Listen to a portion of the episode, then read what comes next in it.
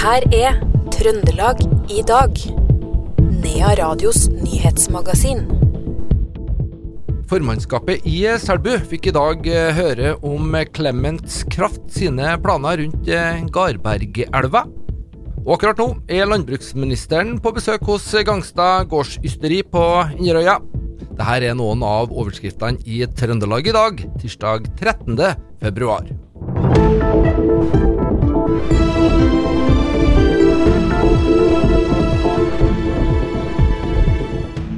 I dag formiddag la kommunedirektøren i Selbu, Oddveig Kipperberg, frem det økonomiske resultatet for 2023. De foreløpige beregningene for fjoråret viser at Selbu kommune vil kunne ende opp med et underskudd på 13,3 millioner kroner. Det er 4,1 millioner mer enn hva kommunedirektøren la fram i desember. Kipperberg peker på lønn og prisvekst sammen med høyere renteomkostninger som noe av årsaken til det store underskuddet. 20 000 har fått eh, utbetalt feil i dagpenger. Det opplyser Nav. Flere vil nå få store summer etterbetalt. Feilen skal ha skjedd mellom januar 2019 og desember 2021. Vi vet hvem alle er, og tar direkte kontakt med dem det gjelder i løpet av våren. Hvis du lurer på om dette kan gjelde deg, så trenger du altså ikke å kontakte Nav, sier seksjonssjef Bente Tori Aamodt til VG.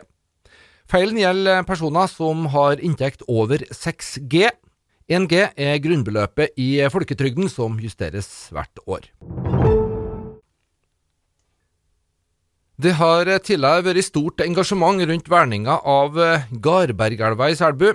Engasjementet har ikke blitt mindre med åra. Derfor kan det å åpne opp for eh, muligheten for å se på en utbygging her, føre til at denne debatten igjen blusser opp. I dag fikk utbygger Clements orientere formannskapet i Selbu om sine tanker rundt elva. I eh, møtet kunne Head of Constructions i Clements Kraft AS, Mathias Kullberg, legge frem ulike alternativ. Ja, Vi ser da på eh, to nye utbyggingsalternativer som vi da enten vil eh, føre til mer produksjon, som kan avbøte ulempene eh, som var årsaken til avslag sist. da. Det ene alternativet er i dag vesentlig mer kraft, og det andre er et vesentlig mindre inngrep. Da. Så vi tenker at begge alternativene er både gangbare med tanke på ulemper og lønnsomhet for utbyggere. Det er ganske små kraftverk det er snakk om. Hvorfor er det noe, er det noe økonomi å satse på så små anlegg?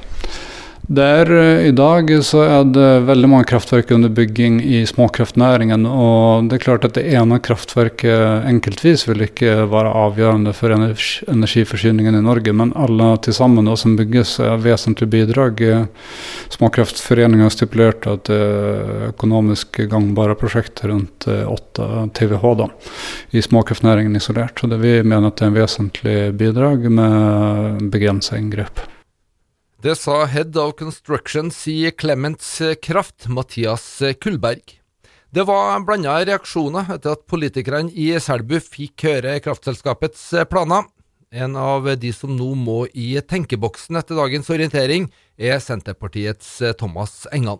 Han mener det her vil bli en krevende og viktig sak både for kommunen og for hans eget parti, etter å ha hørt presentasjonen. Jeg vet ikke om jeg er verken beroliga eller bekymra, men det som var interessant var jo også å få informasjon om klete er tanker og planer som Klemens Kraft har nå, da.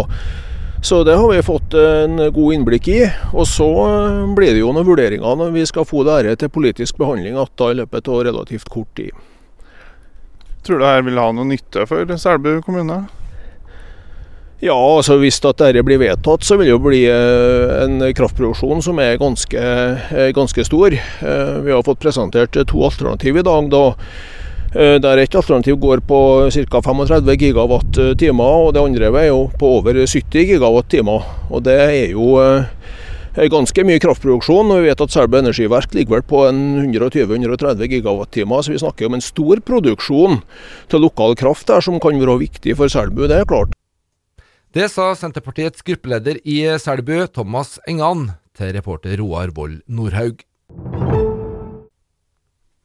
En mann i midten av 20-åra er dømt til 18 dager i fengsel etter å ha kjørt 161 km i timen i 90-sonen.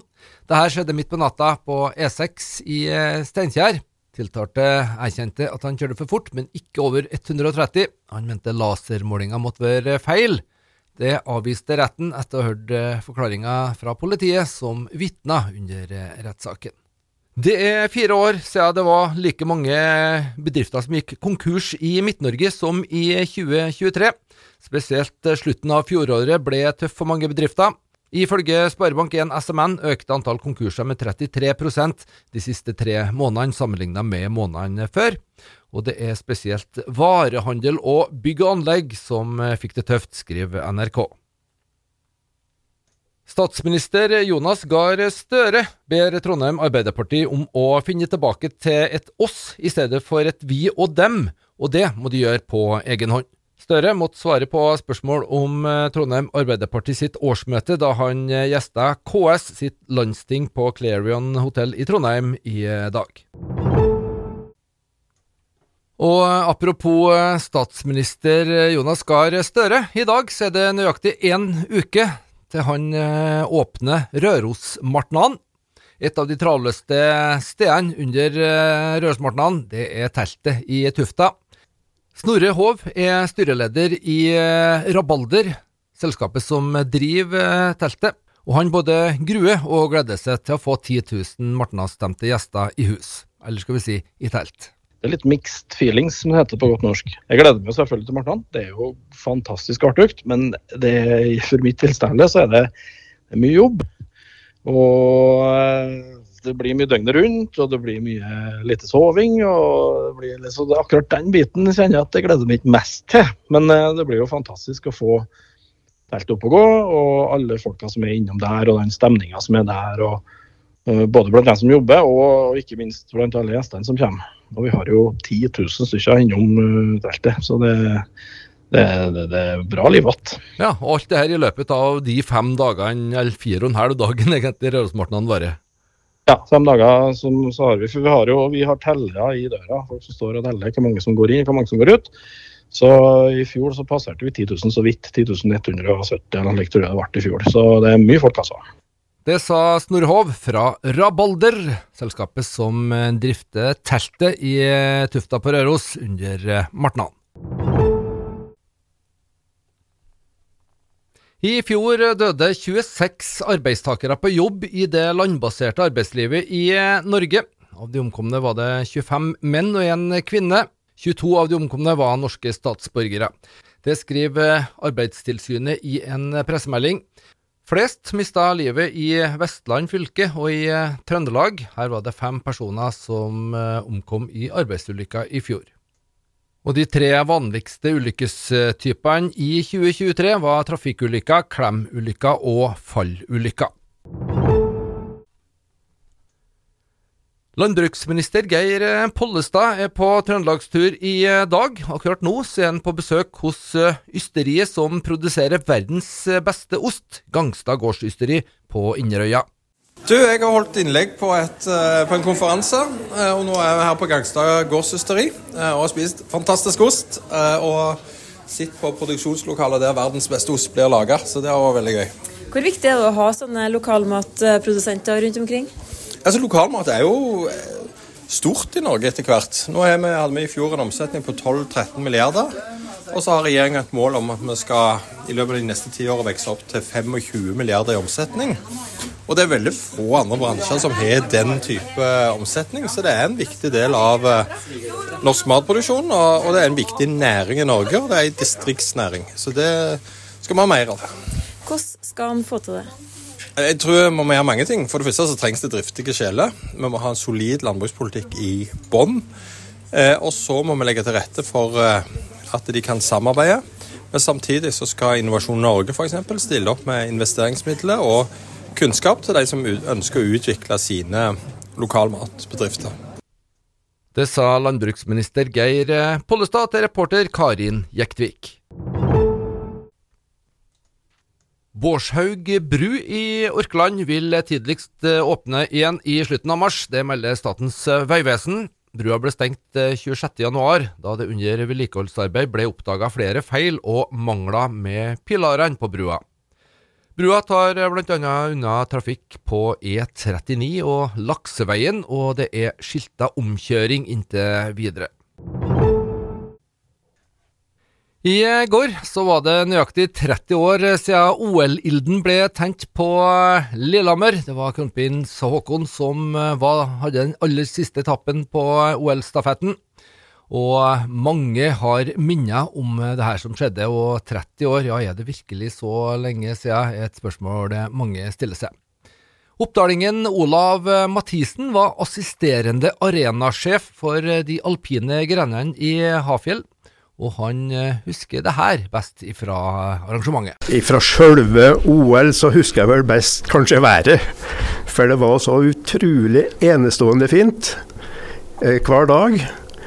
Og OL ble jo sendt selvfølgelig over hele verden, og de TV-bildene som, eh, som, gikk ut, det er kanskje det jeg husker aller best. Du var jo ikke alene som oppdaling på, på Lillehammer, det var mange som var nedover? Ja, etter hvert så ble det ganske mange, og det var naturlig fordi at eh, alpinrenn på det nivået som OL tross alt er, da trengs det litt kompetanse og litt innsikt. Og den kompetansen og innsikten hadde mange i Oppdal fått, i og med at vi hadde hatt worldcuprenn her. Både i 84, og 88 og 91. Så vi var ganske proppfulle av uh, sjøltillit, mange oppdalinger.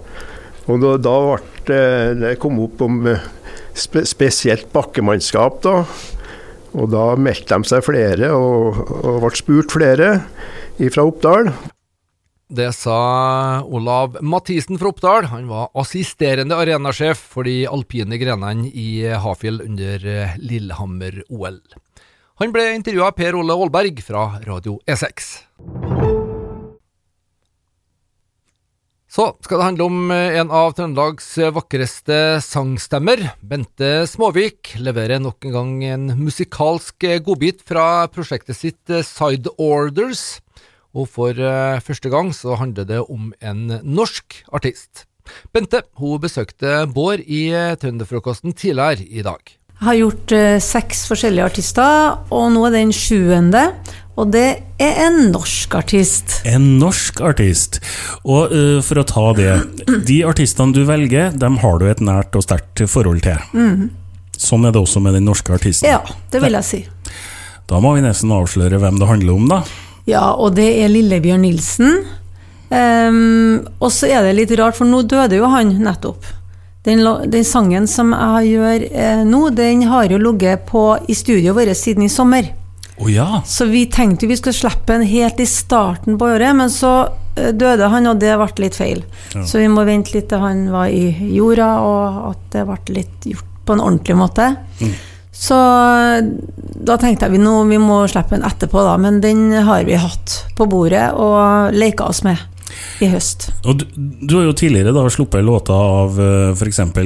Kiss og, og, Thin Lizzie, og så plutselig så kommer en Lillebjørn inn i bildet. Altså, hva har han betydd for deg da, musikalsk? Jo, han har betydd ganske mye. Han har en sånn melankoli i sangene hans som jeg liker veldig godt. Uh, og nå så har jeg på en måte gått enda mer etter den, og husker jo alle barnesangene òg. Uh, det er jo en stor skatt uh, som ligger der. Du vet at jeg er gift med en mann fra Oslo. Ja. Og han har jo i hvert fall uh, gravd enda dypere enn det jeg har gjort. Uh, så vi har hørt mye på Lillebjørn Nilsen, spesielt når vi har sittet ute på verandaen på somrene. Det sa Bente Småvik til Bård Danielsen, og det her klippet det var henta fra Trønderfrokosten litt tidligere i eh, dag. Til slutt så skal det handle om et uh, mulig framtidig uh, sykkelritt. Karl Erik Elvsveen og uh, Asbjørn Andersen har mer. Dette skal være et lavterskel sykkelritt for dem som vil oppleve natur og sykkel og ha det trivelig i 17,3 mil fra Røros til Hell. Ja.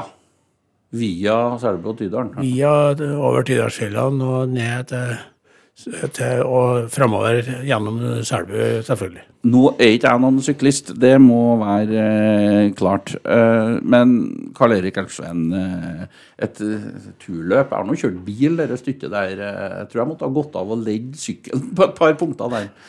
Ja, det, det er sånn passelig lengde for dem som driver og sykler en del. Og så kan det òg være en utfordring for dem som ikke sykler så mye. Mm. Selve løypa er ikke den tøffeste løypa, så det, det er fullt mulig å gjennomføre for de fleste. Det sa Karl Erik Elvsveen og Asbjørn Andersen fra Stjørdals Blink. Reporter, det var Knut Inge Skjem.